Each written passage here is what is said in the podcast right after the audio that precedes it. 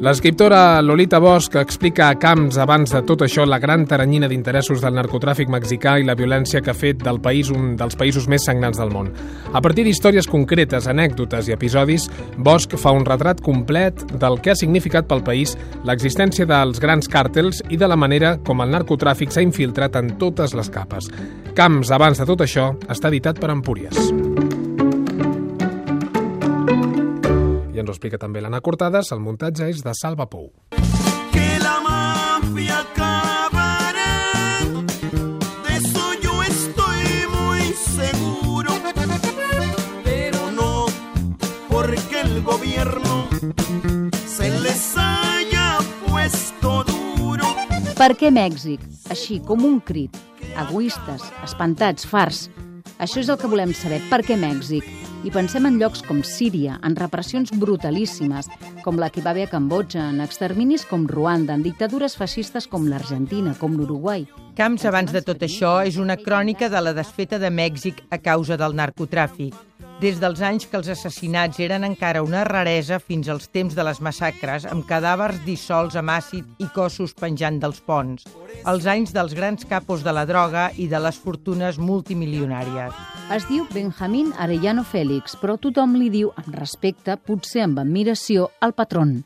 I cada tres dies fa arribar a la seva dona 30.000 dòlars, uns 24.000 euros, que passen per les mans de tres sicaris que han rebut ordres estrictes de no deixar-ne cap rastre.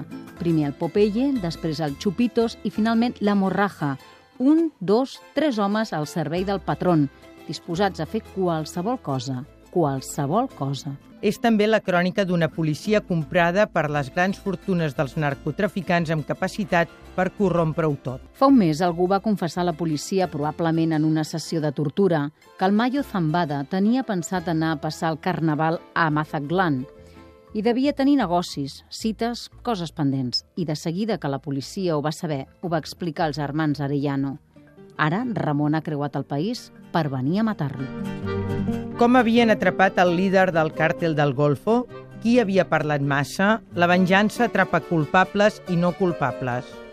Aquí, els entambados els enterren sencers, en recipients plens de ciment i es troben a vegades als marges de les avingudes principals de les ciutats o en alguns descampats on són abandonats estratègicament, perquè aquí cada mort és un missatge que de vegades només entén el seu destinatari. Però de vegades, poques, els diners no són suficients o els funcionaris no es deixen comprar i els narcotraficants acaben a la presó. I de vegades, encara menys sovint, els passa el que més temen, l'extradició a una presó dels Estats Units. És el cas de Juan García Ábrego, el patró del càrtel del Golfo, l'home que s'havia aprofitat de les trameses de cocaïna dels colombians i que havia fet una fortuna incalculable, però les detencions mai signifiquen cap millora en la tragèdia que viu Mèxic. Havia perdut. L'extradien.